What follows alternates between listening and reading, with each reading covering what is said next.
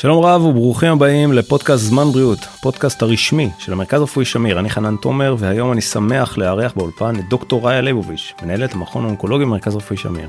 שלום חנן. היי, מה שלומך? טוב מאוד. נשוחח איתך היום על מגוון נושאים הנוגעים לתחום העיסוק שלך, על טיפול בסרטן בקשישים, על היתרון שבהשתתפות במחקרים קליניים, כמה מדובר בהזדמנות עבור מטופלים, נדבר על שימוש בתרופות, על טיפולים אימונותרפיים ועוד נושאים ככל שיותיר לנו הזמן. אני רק רוצה להזכיר לפני שאנחנו מתחילים, הפרקים של התוכנית זמינים עבורכם בכל רגע באפליקציות השונות, ספוטיפיי, באפל וגם בגוגל, חפשו זמן בריאות או פשוט המרכז הרפואי שמיר. במידה ונתקלתם במידע שמעניין אתכם במהלך ההקלטה של הפרק, במהלך ההשמעה של הפרק, אתם יכולים לפנות לאתר מרכז רפואי שמיר, להקליד את שם היחידה או המחלקה או את שם הרופא שאנחנו משוחחים איתו היום, איתה, ולקבל את כל המידע הרלוונטי, אמצעי התקשורת וההתקשרות פתוחים לכולם, והצוותים שלנו מוכנים וזמינים ושמחים לענות על כל שאלה. ניגש ישר לעניין, תודה שהגעת, דוקטור ליבוביץ', מה שלומך? בסדר, אני שמחה להיות פה, שלום לכל המאזינים. אני רוצה להתחיל אולי בנושא שהוא, אני יכול להגיד שהוא תחום ההתמחות שלך בעצם, האונקולוגיה הגריאטרית, נכון? הטיפול בקשישים האונקולוגיים. אני רוצה להתחיל בעצם את השיחה שלנו אולי באיזה, בשתי נקודות בסיסיות ראשוניות. ראשית, מהי בכלל הגדרת הקשיש, איך היא השתנתה בכלל בעשורים האחרונים, היכן עובר הגבול היום בין מבוגר לקשיש, זה עניין אחד. העניין השני, איך שונה הטיפול בסרטן בקשיש לעומת טיפול רגיל בעצם שאנחנו נותנים. אז אכן כמו שאמרת חנן זה אחד מתחומי הככה עניין ואני אפילו אגיד חיבה שלי. מאז ומעולם אהבתי אה, קשישים אני חושבת שסבתא שלי חינכה אותי לזה כשהייתי קטנה הייתה אומרת לי כשאת תהיי מבוגרת את תהיי רופאה ואת תטפלי בנו. אז אמנם לא הפכתי להיות גריאטרית הפכתי להיות אונקולוגית אבל מההתחלה עוד מההתמחות תמיד אהבתי אה, לטפל ביותר מבוגרים שבחבורה. אז קודם כל שאלת ההגדרות של הגיל הגריאטרי השתנו בשנים האחרונות? אם לפני 20 ו-30 שנה מישהו בן 65 היה נחשב קשיש, זקן, אז היום אנחנו יודעים ש-65 הוא כמעט ה-45-50 החדש, והיום אנחנו מדברים על הגיל הגריאטרי יותר כמו אנשים מגיל 75 ומעלה, ולשמחתנו אנחנו רואים יותר ויותר אנשים שנמצאים גם ב-80 ו, ואפילו ב-90 ו, שהם כמובן ברי קיימא וחיוניים ומתקיימים וחפצי חיים, כך שכל הזמן תודות להתפתחויות אה, בתחומים אחרים של רפואה, אנחנו רואים יותר ויותר אנשים קשישים בחברה העולמית וכמובן בחברה הישראלית, ואנחנו יודעים שגורם הסיכון הכי גדול לסרטן בסופו של דבר הוא גיל.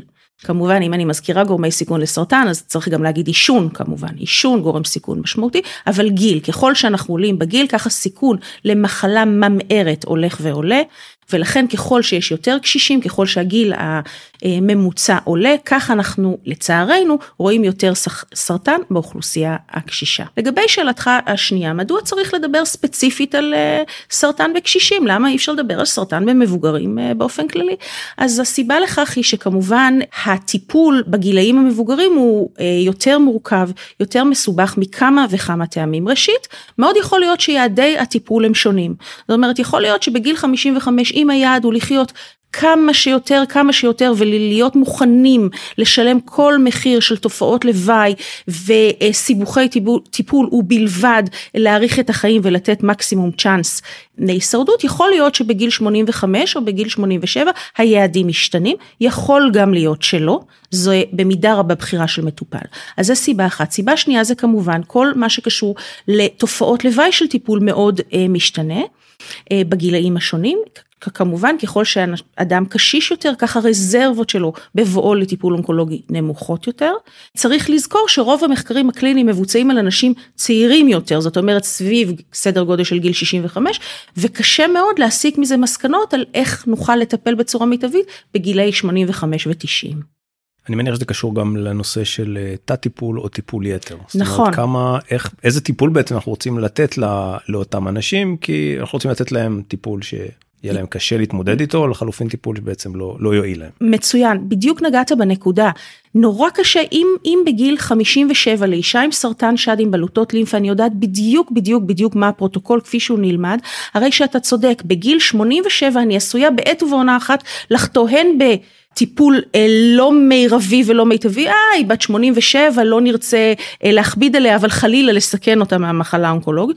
ומצד שני, כמובן, גם, ה, גם החשש מנגד, שניתן טיפול יתר והיא תסבול מרעילות קשה. אה, כאן אולי כדאי להזכיר שלנו כאן במרכז הרפואי יש שיתוף פעולה מאוד הדוק עם יחידת הגריאטריה, עם דוקטור, אני אגיד את דוקטור גלינה פלוטניקוב, אבל זה לא רק היא כמובן, שנותנת לנו שירות של מה שנקרא הערכה גריאטרית שלמה או כוללנית, זה תהליך שלוקח לפחות שעה, שיחה מאוד מאוד מעמיקה, דוקטור פלוטניקוב אגב הרבה פעמים אפילו באה אלינו למכון אונקולוגי אם היא מתרשמת שקשה לקשיש להגיע אליה, מעריכה את, ה, את כל האספקטים, זה יכול להיות, זה מצב תזונתי, זה מצב משפחתי, זה שאיפות, זה רצונות, זה כמה תרופות נוטל אותו קשיש והאם יש תרופות מיותרות אותו קשיש או אותה קשישה, ובסופו של דבר יוצאת הערכה הגריאטרית הכוללת באה ונותנת לי משהו שנוגע למידת השבריריות של אותו מטופל או מטופלת ומידת היכולת שלו לעמוד בטיפולים אונקולוגיים. זה מה שקשור לסינדרום הגריאטרי אולי נכון? נכון נכון, נכון זה גם כן נכון אה, הסינדרומים גריאטרים בדיוק ו- וטוב שאתה מעלה את זה כי כרופאים שהם לא גריאטרים אנחנו פחות מתייחסים לדברים כמו נפילות קושי בשמיעה וראייה, דבר שיכול אולי להפריע בנטילת תרופות, אה, שימוש בעזרי הליכה, אה, כל מיני דברים כאלה שהם באמת קוראים להם הענקים הגריאטריים או הסינדרומים הגריאטריים, אי נקיטת, בעיות בנקיטת שתן, ובהחלט ההסתכלות הכוללנית הזאת, האונקולוגית גריאטרית, בהחלט נותנת איזשהו עומק. אני הייתי במשך שנים נציגת ישראל באיגוד הישראלי לאונקולוגיה גריאטרית, התמחיתי בתחום הזה ואני שמחה אה, להיות מה, מהאנשים שמביאים את הנושא הזה למודעות אה, כאן בארץ. אני אשאל זה אחרת, תאורטית יש לי אה, עומד בפניי גבר בן 75 שמבקש טיפול מלא יחד עם זאת הערכה הגריאטרית שלו מעידה שהוא לא יהיה בהחלט בהכרח יכול לעמוד בטיפול כזה. מצוין. איפה עובר הגבול? אז יפה נתת מקרה כזה אפשר היה לתת מקרה אחר בהחלט בהחלט אז זה באמת כל הזמן ההתלבטות שלנו.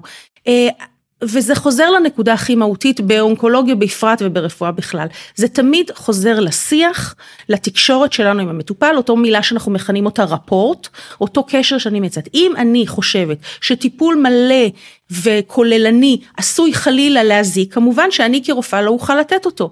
תקשורת, שיחה, הסבר. עוד דבר שיש להגיד, לפעמים יש סינדרומים גריאטריים שהזכרת אותם, שניתן לנסות לטייב אותם. אה, אתה יודע, הרבה פעמים מדברים על שיקום, לפני, אה, שיקום אחרי ניתוח, אבל היום בגריאטריה לפעמים אנחנו מדברים על אה, שיקום לפני. אה, אם המילה לשיקום היא רהביליטציה, שיקום אחרי, אז פרה הביליטציה, להביא את הבן אדם למקום שבו אדם. הוא יוכל לעבור את מצוין. הטיפול. מצוין, אני אתן לך דוגמה, אחת הבעיות שאנחנו מכירים בקשישים, נושא של תת תזונה משלל סיבות, אז למשל להכין אותו טוב יותר לטיפול, למשל לעבור על רשימת התרופות ולראות שיש לו 12 תרופות מורשם, ואולי בעת הזאת הוא זקוק רק לחמש, אולי הוא כבר לא זקוק לאיזה משהו שהוא סוחב אותו כבר 20 שנה. אז אלה דברים שאנחנו עושים בהחלט כדי להכין אנשים טוב יותר לטיפול.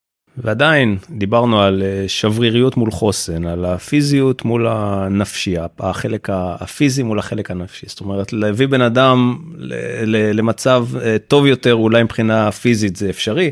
עד כמה זה קשה, אה, אני לא חושב שזה בכלל אפשרי, אבל אולי אצלכם להביא את הבן אדם באמת, המצב הנפשי מוכן לדבר כזה לטיפול. אז, אז נכון, מצוין, שאלה ככה מצוינת ומעניינת. אז הזכרת קודם כל מונח חשוב, שבריריות, ובהחלט אחד הדברים שאנחנו מנסים אה, להבין היום בגריאטריה זה מהי שבריריות, מה גורם לקשיש להיות שברירי, אבל באמת מנגד יש את אותם קשישים חסונים, קשישות. אנחנו רואים היום אנשים בני 87 ו-88 במצב מצוין, גופני מצוין וגם מנטלי. נפשי, מנטלי מצוין. בדיוק. זה אנשים, אני גם תמיד אומרת, זה הזכות כאן בארץ, הרי אין כאן מישהו או מישהי בת 88 או 74 שאין לה סיפור, שאין לו איזשהו אה, ניצחון גדול אה, בעבר, הרי זאת המדינה שלנו וזה לא משנה מאיזה חתך או רקע.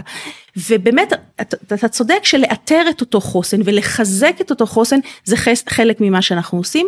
מעניין להזכיר בהקשר הזה וזה אולי גם יוביל אותנו לנושא הבא. ש... הרבה חושבים ש, שאונקולוגיה זה רק טיפולים כימותרפיים שבהחלט יש להם את פרופיל תופעות לוואי שלהם, אבל יש לנו היום הרבה מאוד סוגים של טיפולים אחרים. אז יכול להיות שיהיה קשיש, כמו שהזכרת, שלא יהיה מועמד משלב של שלוש תרופות כימותרפיות והקרנה בו זמנית, אבל בהחלט יהיה מועמד לטיפול ביולוגי או טיפול אימונולוגי, ונוכל אולי לתעל אותו דרך זה לטיפול המיטבי עבורו.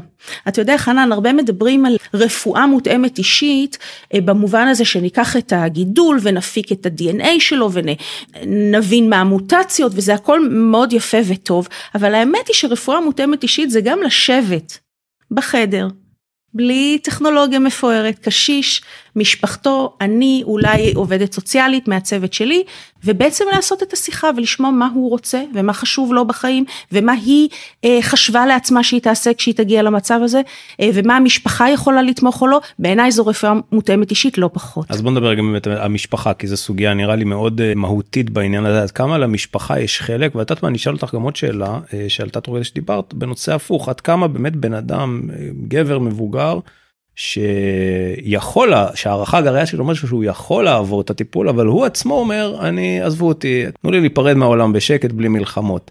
אז אני חושב שזה שתי שאלות שקשורות אחת לשנייה ועד כמה המשפחה פה באמת משפיעה על, ה, על הדבר הזה. אז קודם כל מהשאלות שלך אני רואה שאתה כבר מבין כמה מעניין וכמה זה, זה מורכב וכמה רגישות וכמה חמלה צריך בגישה. האם זו זכותו של אדם להחליט שהוא איננו חפץ יותר? התשובה היא כן. התשובה היא כן, זוהי זכותו של אדם, אה, וכמובן כתלות בשאלה מה אני כרופאה שכבר ראיתי מצבים דומים, מה אני חושבת שהוא מפסיד ומה אני חושבת שהוא מרוויח בבחירה, כך יתנהל השיח. בסופו של דבר הגישה היום ברפואה היא גישה לא מתנשאת, אנחנו קוראים לזה לא פטרנליסטית, זאת אומרת אינני האבא של אותו מטופל, בהחלט יש אנשים שאומרים מספיק לי. אגב, במצב כזה, וכאן זה הנושא של הרפואה מותאמת אישית, אולי אני אבוא ואגיד, אוקיי אדוני, אז אולי לא שתי תרופות כימותרפיות, שזה הפרוטוקול המלא והמושלם, אבל אולי משהו קצת כדי טיפה להקל על כאב, ושוב, אנחנו חוזרים לשיח. הזכרת את המשפחה, אז בהחלט המשפחה היא תמיד אה, מרכיב משמעותי אצלנו באונקולוגיה, זה אף פעם לא המטופל לבד, הוא תמיד מגיע עם איזושהי מסגרת. בסוגריים אני אומרת. שזה נכון אגב בכל גיל. נכון, בכל זה, זה, לא, אבל אצלנו, זה לא בוודאי, בוודאי, אבל אצלנו זה מאוד בולט כי אנחנו מדברים על מחלה כרונית ארוכת, אה, ארוכת שנים שככה בהחלט מחייבת את ההתגייסות. בסוגריים אני רוצה להגיד שמשפחה מבחינתי זה אותם אנשים שהבן אדם מגדיר כחשובים לו. זה יכול להיות החברה הכי טובה. היה לי מטופל כאן מלוד שהגיע עם השכן שלו מהבניין וזה גם היה בסדר. נחזור לשאלת המשפחה. בקשישים אה, זה בוודאי אה, מקבל משנה תוקף כי הרבה פעמים חייבים את העזרה של המשפחה כאן אני רוצה להגיד, אצלנו בארץ אנחנו ברי מזל, המשפחות מעורבות מאוד מאוד, אני טיפלתי גם בקנדה, זה לא היה ככה, זה גם תרבות אחרת, זה גם גיאוגרפיה אחרת, לפעמים היה מישהו בטורונטו והמשפחה שלו בוונקובר, זה אלפי מיילים, כאן בארץ אנחנו ברי מזל ואני רואה את המשפחות כאן נרתמות בצורה מרגשת ונוגעת ללב. ועד כמה משפחה גם יכולה לבוא ולהגיד לך, לקבל את ההחלטה עבורו, או להגיד לצורך העניין אה, אנחנו לא רוצים שהוא יעבור סבל או לחלופין שזה אני גם בטוח שקרה להגיד אל תגידי לו בכלל שהוא חולה שזה אני גם יודע שקורה לפעמים. נכון. עזבי אותו אל תגידו לו שהוא חולה הוא לא צריך את הכאב ראש הזה. נכון, אז בהחלט, בהחלט, כמו כל סיטואציה שאתה אה, מעלה כאן ברגישותך, אז בהחלט עלתה ועולה במרפאה, גם את הרצון הזה של הוא, הוא יתמוטט, אל תגידי לו. היום מקובל שאדם ריבוני, צלול, אדם שנמצא איתנו ולא משנה באיזה גיל אנחנו לא מסתירים, ומאידך אני אומרת תמיד, אצלי במרפאה אני מנסה, לא יוצאים עם דמעות, אנחנו מוצאים דרך לממסר גם בשורות, מרות, מורכבות, באיזשהו אופן שניתן להכיל אותו. אני לא מאלה שביום הראשון במרפאה באים ואומרים ונשאר כך וכך וזה המצב, אני לא חושבת שמישהו יודע, כך ששוב בסוף זה חוזר לאותה נקודה שהתחלנו ממנה, תקשורת, יחסי רופא אה, מטופל משפחה. אני מתרשם מהשיחה איתך ובכלל מההיכרות המועטה שלי בתחום הזה שאונקולוג כל רופא למעשה אבל אני חושב שאונקולוג אולי קצת יותר צריך להיות עם מנעד רגשות מאוד uh, גדול. זאת אומרת אני חושב שהרגישות פה אה, בדיוק כמו שדיברת על זה זאת אומרת זה הרבה מעבר לטיפול לטיפול הכימותרפי לטיפול עצמו. יש פה איזושהי רגישות שאתה צריך לגשת איתה לעניין ולפעמים אתה יכול לפתור איתה סוגיות אה, מורכבות ומסובכות אצל המטופל יש איזה משהו אני חושב שאצל אונקולוגים תקני אותי אם אני טועה אז, אז אה, אני הרגישות או המקום הזה הוא קצת יותר אה, גדול מאשר במקומות אחרים או רופאים אחרים דיסציפלינות אחרות. אז אני נורא מסכימה איתך אני חושב עוד פעם כל רופא והזכרת את זה כל רופא זקוק לאותה רגישות ואותה חמלה ואותה הקשבה אבל אני באמת חושבת שאצלנו באונקולוגיה שאנחנו מטפלים באותה מחלה שהיא כל כך מפחידה ומאיימת על הציבור אני חושבת שזה באמת מקבל משנה תוקף. אני רוצה להגיד לך חנן יש לי את הזכות כבר למעלה משנתיים להיות מנהלת המכון האונקולוגי בשמיר אני רוצה להגיד לך שה... האנושיות הזאת מאפיינת את כל רופאי המרכז וככה אנחנו גם בוחרים את כל רופאי המכון וגם את המרכז הרפואי. לא, רפואה אנושית אה, פורצת דרך, נכון, זה הסלוגן, אבל לא אתה יודע מבחינתי כשאני חושבת על איזה מתמחה או מתמחה אני ארצה אז אני בראש ובראשונה אעשה מישהו אה, שבאמת יש לו את היכולת הזאת להקשיב ולנתח מצב מורכב. כי את הרפואה ואת המחקרים ואת המאמרים את הכל אפשר אה, ללמוד. זה הרבה שעות של לימוד כמובן ונתמוך במתמחים בדרך הזאת אבל את ה... היכולת הזאת להקשיב ולנתח מצב מורכב זה משהו שאני חושבת שהוא צריך לבוא איתו. ובאותה נשימה גם לדעת לעמוד לפעמים בצורה אני לא אגיד קרה אבל אה, זה לא גם חסרת רגשות אני מנסה למצוא את המילה המתאימה לבוא לבשר לבן אדם שימיו ספורים נכון. ו- ולשמור על אה, נכון, קור רוח תוך נכון. כדי הדבר הזה זה גם משהו שהוא לא פשוט לעשות. נכון אז המילה, המילה שאתה חיפשת נכון אז המילה שאתה חיפשת זה מקצוענות נכון מקצוענות זה יכולת באמת גם לבשר בשורה בשורה מרה ולעשות את זה אה, לא מתוך היסטריה ולא מתוך פאניקה ולא מתוך אובדן עשתונות ולמצוא.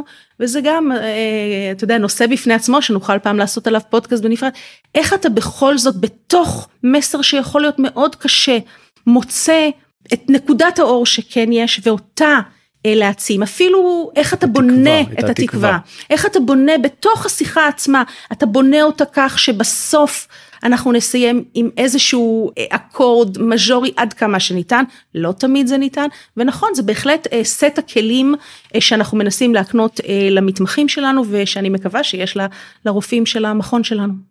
עד כמה את עמדת, אני בטוח שעמדת בסיטואציות כאלה קשות, עד כמה זה קשה באמת לבשר בשורות כאלה למטופלים? אה, זה מאוד קשה חנן, אני, אתה יודע, אנחנו ככה רוצים לשמור את זה קליל, אבל אה, זה קשה. אנחנו מתעסקים במחלה קשה שלפעמים אה, מובילה מגבלה תפקודית קשה, נכות ובסוף גם מוות.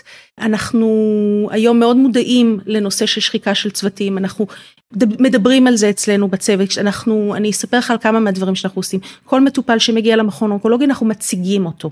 וככה אנחנו יכולים לאתר אם יש כאן מקרה שהוא במיוחד קשה, וקשה אני לא מתכוונת רפואית, גם אני מתכוונת קשה סוציאלית, אני מתכוונת קשה נפשית, אני מתכוונת שפוגש את הרופא במקום קשה שלו.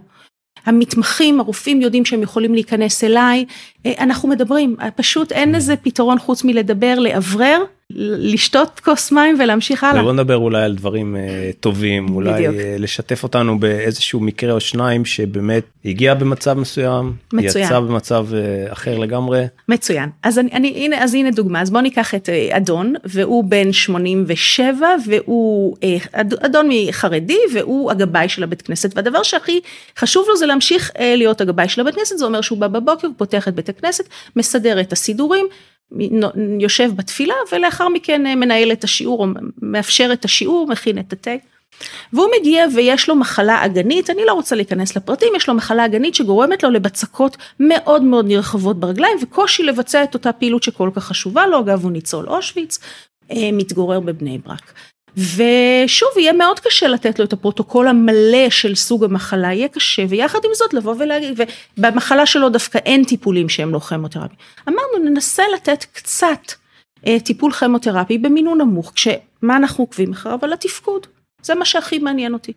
והיה כאן אה, מזל או, או גורל או תקרא לזה איך שאתה רוצה והוא אכן הגיב לאותה כימותרפיה במינון נמוך וממש ראינו משבוע לשבוע איך הבצקות האלה נספגות והתפקוד שלו עולה. הוא קיבל קורס כימותרפי, הוא יצא להפסקה, הוא קיבל עוד אחד, ככה כמה וכמה שנים, בסופו של דבר הוא הלך לעולמו בשיבה טובה אחרי גיל 90, תוך שהוא בעצם שומר על מה שהיה לו הכי חשוב, וזה כמובן התפקוד שלו. אז זה למשל דוגמה אחת, אוקיי? איך אנחנו מאתרים מה הכי חשוב לאותו מטופל, ומנסים לשמר את זה עבורו, ביחד כמובן. אז, אז דיברנו רפואה מותאמת אישית עד כמה אז אני שוב חוזר ברשותך לנקודה הזאת כי זה באמת מעניין לא, באמת זה, זה נושא מורכב אני לא רוצה להיכנס אליו אבל כן יש פה איזושהי התאמה אישית נכון. למצב שלו נכון זה אולי מה שבעצם אנחנו יודעים לעשות פה הכי טוב נכון, בעצם נכון נכון וזה שוב חוזר להקשבה תקשורת שיח פתוח אה, סבלנות חמלה לכל הערכים ש, שמאוד מאפיינים אני חייבת להגיד את המרכז הרפואי שמיר. כן אוקיי בוא נמשיך לדבר קצת על מחקרים כי אני יודע שגם זה תחום שאנחנו נכון. כל הבית חולים בעצם אנחנו עושים המון מחקרים אני יודע שאצלך יש במיוחד אנחנו עושים הרבה עד כמה אולי לפני שאנחנו צוללים פנימה למחקרים עצמם, עד כמה באמת את רואה שהמחקרים האלה יכולים לתרום למטופלים, עד כמה את בעד, עד כמה את ממליצה mm-hmm. לאנשים mm-hmm. לקחת, אני לא אגיד סיכון, אבל זה איזשהו, איזשהו טיפול שהוא עדיין לא, ניסיוני, אה, mm-hmm. שהוא עדיין ניסיוני, נכון? Mm-hmm. ועד כמה את ממליצה על הדברים האלה. אז, אז, אז מצוין, זה באמת נושא אה, מעניין. אז יש מחקר קליני זה כל דבר שבודק התערבות חדשה, בודק איזשהו משהו חדש, ואצלנו באונקולוגיה מהיותנו מטפלים במחלה שעדיין לא נמצא לה עבור כל המצבים וכל המקרים טיפול, אז בוודאי שיש הרבה זרקור על מחקרים קליניים באונקולוגיה. מרכז שיכול להציע למטופליו מחקרים, הוא מרכז שמציע למטופליו יותר אפשרויות טיפוליות ולכן אנחנו במכון האונקולוגי מאוד רוצים להשתתף אה, במחקרים קליניים בראש ובראשונה כי זה מגדיל את מנעד האפשרויות שיש למטופלינו. עכשיו כיצד אנחנו מחליטים אצלנו? איזה מחקר נבחר, איזה מחקר יהיה לנו בפורטפוליו אם תרצה אה, שנציע למטופלים, אז כמובן אנחנו נרצה מגוון, אנחנו נרצה שיהיה לנו מענה בכל סוגי המחלות שאנחנו מטפלים, בדרך כלל זה כך, יש לנו אה, הרבה מאוד מחקרים, אבל בעיקר הנקודה שלי חשוב להגיד, אני לא אקח מחקר אם אני חושבת שהוא עלול חלילה להציע משהו שהוא פחות מהסטנדרט הטיפולי הקיים. זאת אומרת, אני אקח מחקר רק אם הוא מציע סטנדרט וסטנדרט פלוס. אוקיי? זאת אומרת, אם אנחנו חתמנו על מחקר, אם אנחנו חתמנו על מחקר, סימן שאנחנו היינו ממליצים עליו לבן משפחתנו הקרוב ביותר, אוקיי? זה מחקר שאנחנו סומכים עליו, זה לא אומר שהוא יצא חיובי כמובן, את זה נדע רק בבוא השעה, אבל זה אומר שהמטופל למיטב שיפוטנו לא חלילה, חלילה יצא נפסד מהשתתפות במחקר. ולכן זה חשוב לנו, ולכן אנחנו בהחלט חושבים שמחקרים קליניים הם אפשרות טובה למטופלים, כמובן כתלות ברצון, יש מטופלים שמאוד אוהבים את זה, יש מטופלים שלא אוהבים, אומרים אני לא רוצה אה, להיות אוקיי, שפן. אז זה שרציתי לשאול באמת, נכון. עד כמה באמת אנחנו, עד כמה רואים היענות. אז זה מאוד משתנה. כמה בן אדם בא ואומר לך מצד אחד אני לא לוקח שום דבר שלא נוסה לפני נכון. זה ובא במחקרים, מצד שני בן אדם שאומר לך תביא, נכון. אם זה יכול לעזור לי, תביא. אז יש לי את שתי הקיצוניות האלה וכמו בכל דבר אחר. קודם כל זה הריבונות של הבן אדם, אם בן אדם זה לא מתאים לו, אני לא אלחץ על אף אחד להשתתף במחקר קליני. כמו שאמרתי, מאידך אני בהחלט חושבת שיכול להיות שיש לו הזדמנות. אבל אני מניח שיש לך איזושהי השפעה נכון. לך או לצוות למי נכון. שמטפל, כן להשפיע, זאת אומרת, בן אדם שמגיע, לא מכיר, לא מבין, mm-hmm. בא רופא, מנחית נכון. עליו הנחתה, אומר לו, תשמע, זה יכול לעזור לך, נכון. אין לנו שום סיבה לא להאמין. ל... נכון, אז בדיוק, אז זה שוב חוזר למה זה חוזר? לאותו רפורט. זאת אומרת, אם אני ממליצה על מחקר, בהחלט אני חושבת שהרבה מטופלים משתכנעים שאני עושה את זה בלב שלם וחפץ אה, למענם. מאוד מאוד חשוב, נושא החתימה על מחקר קליני הוא בנפשנו, זאת אומרת הבן אדם מקבל את הטופס הביתה, הוא לא חותם באותו מעמד, בדיוק כדי שהוא יוכל אה, לחשוב על הדברים ולבחון אותם ולהתייעץ עם בני משפחה רחבים יותר, הוא יבוא בפעם אחרת, זה יכול להיות אפילו למחרת היום, אבל אנחנו ניתן לו את הזמן הזה, אנחנו נענה שוב על השאלות שלו, מיותר לציין, תמיד הוא גם יכול לחתום ולהפסיק להשתתף במחקר, זאת אומרת, תמיד, תמיד זו בחירה, תמיד המטופל או המטופלת הם הריבונים של ההחלטה שלהם. וההבטחה לסטנדרט פלוס, mm-hmm. אני אשאל את זה בזהירות, mm-hmm. אבל אה, אני חושב שזה מתבקש, זאת אומרת, היא ברוב המקרים מתקיימת בסוף. כן, בוודאי. אומרת, זה לא שיוצר מצב שאנחנו, המחקר בא ומבטיח פלוס, ובסוף אנחנו אולי רואים שזה לא עמד בציפיות שלנו, או בציפיות טיפוליות. ב- בוודאי, אז, אז אני, אני אסביר איך זה קורה. היום דנתי עם אחת הרופאות שלנו במחקר והתרשמנו שהוא יצ... עלול, אם מישהו יצא בזרוע מסוימת של מחקר, הוא יקבל משהו אולי פחות ממה שנותנים, משהו שהוא, ואנחנו לא לוקחים את המחקר הזה. אז כשאנחנו, כשאני חתמתי כמנהלת המכון, כחוקרת הראשית, על מחקר סימן שאני סבורה שהוא מציע את, ה, את, ה, את המיטב אה, עבור המטופלים ואני חותמת עליו מה שנקרא. זאת האחריות שלי כחוקרת הראשית במוסד.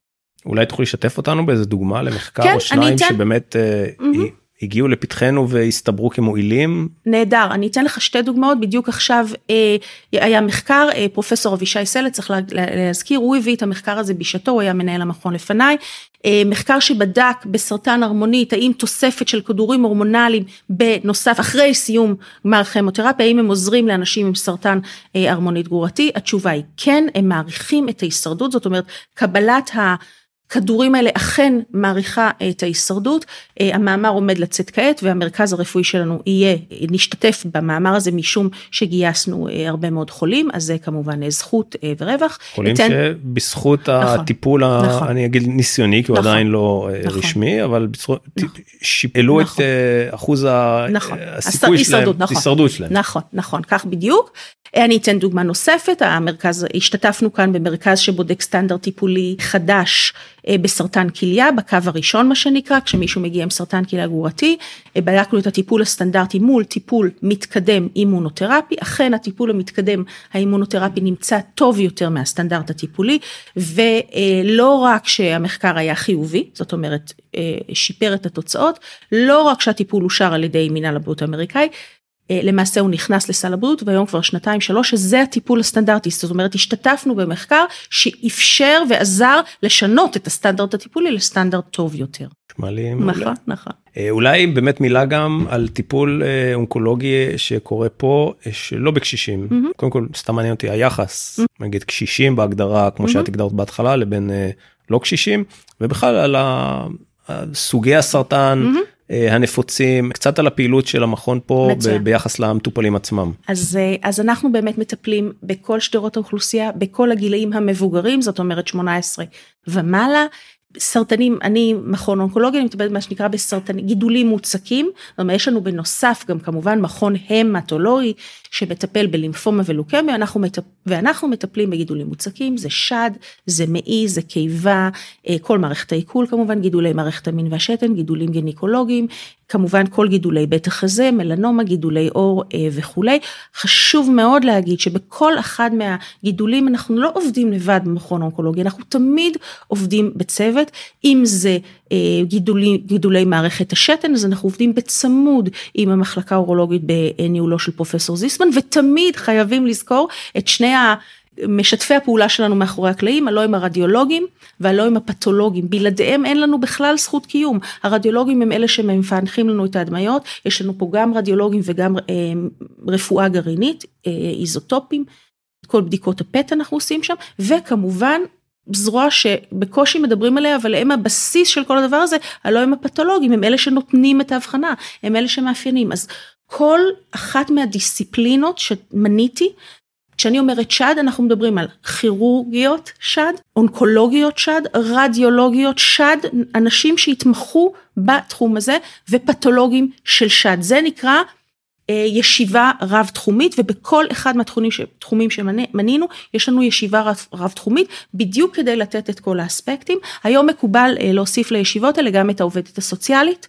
כדי להכניס אספקטים סוציאליים גם וכולי. אפשר להגיד ששד הוא הכי נפוץ. נכון, אז גידולי שד יש כמובן הרבה, זה אחד הגידולים הנפוצים ביותר, סרטני, סרטן הרמונית אנחנו רואים הרבה, אבל גם גידולי מערכת העיכוב, לצערי אה, גידולי ריאה, ראש צוואר, ושת עליונה, זה הכל מחלות עישון, שוב זה הרגע אה, לקרוא מפה ולהגיד, אם לקרוא להפסקת עישון, אנחנו רואים את זה, באזורים שלנו יש הרבה עישון ובהחלט רואים לצערנו את הממאירויות ואני אשמח בעניין הזה להישאר נטולת פרנסה, אז, אה, אז כן, אנחנו מטפלים בהכל. וגילים של ממש. ממוצעים של, זאת אומרת, שד, תקני אותי, זה יותר, הוא יכול לבוא לביטוי גם בגיל צעיר יותר, אז יש לנו, יכול להיות שזה כבר יותר נכון, בגילאים יותר מבוגרים.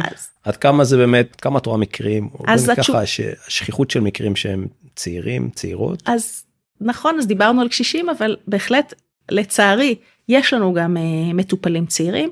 היום, אמנם דיברנו על קשישים, אבל יש גם תחום שנקרא טיפול בסרטן בצעירים ו- ו- ומתבגרים, uh, נקרא לזה young adults, צעירים מוקדמים, זאת אומרת, בין 24 ובין 27, ששוב ברור לגמרי שהצרכים הסוציאליים והפסיכולוגיים של בין 27 הם שוב פעם שונים מהבין 57. הוא עוד לא נשוי, עוד, אה, עוד לא עומד על הרגליים מבחינה כלכלית, אבל מצד שני הוא לא רוצה עכשיו לחזור לאימא שהיא תטפל בו. אז מה עושים בדיוק עם הפלח הזה? אז גם כאן יש תחום שלם שהוא קצרה היריעה, אבל בהחלט ולצערי שוב אנחנו מטפלים בכל הגילאים, בכל המנעדים ובכל המחלות.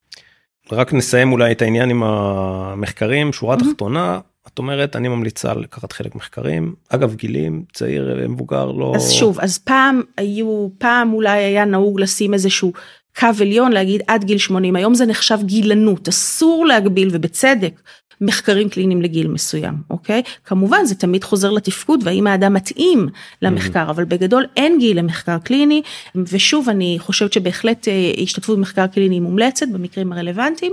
ויש לנו כמו שאמרתי את כל אה, עם ישראל מה שנקרא מורחב כל העדות וכל המגזרים אה, מטופלים אצלנו. הזכרת קודם את נושא הטיפולים האימונותרפיים. Mm-hmm, mm-hmm.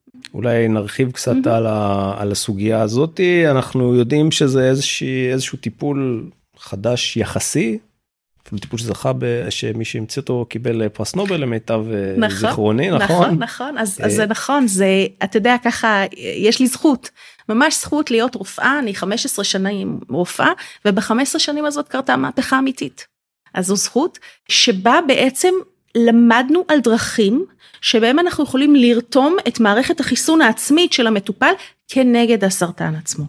אז זה נשמע באמת אה, בואי אה, נדבר בואי בוא נסביר באמת קצת במה מדובר. יפה. אז מסתבר שלפחות בחלק מהסרטנים לא בכולם מערכת החיסון כל הזמן עסוקה בלהשתיק אה, להשתיק את הסר... אה, להשתיק את סליחה הסרטן עסוק בלהשתיק את מערכת החיסון. הוא בעצם שולח לו סיגנלי עצור הסרטן לומד לעצור את מערכת החיסון אם כך הוא הדבר, בוא נבטל את, ההצ... את המעצור הזה, בוא ניתן תרופה שמבטלת את העיכוב של הסרטן. ברגע שנבטל את העיכוב, בעצם ניתן למערכת החיסון לעבוד. וכמו שאמרתי, זאת מהפכה, אכן הזכרת, היא הקנתה את פרס נובל לרפואה לשני החוקרים שגילו את המעצורים האלה, ואנחנו נותנים את זה. לצערי, זה לא בכל הממאירויות, וזה לא עובד בכל המקרים, כמו כל דבר שאנחנו נותנים באונקולוגיה, אין לי 100 אחוזי הצלחה. באיפה, איפה, באיזה מחלות זה מאוד עובד? במלנומה, סרטן של העור, סרטן ריאות, בהחלט בחלק מהמטופלים, סרטן שלפוחית, סרטן כליה, ולצערי יש סרטנים שבהם זה בכלל, בכלל עדיין לא עובד. למשל, דוגמה, אחד הסרטנים שמטרידים אותנו, סרטן לבלב, אין שם היום מקום לטיפולים אימונותרפיים. אז יש מחקר מאוד מאוד אה, גדול שמנסה להבין איזה סרטנים כן ואיזה סרטנים לא, ואיך אפשר לעודד את ה... את ה את, את מערכת אה, החיסון כנגד הסרטן.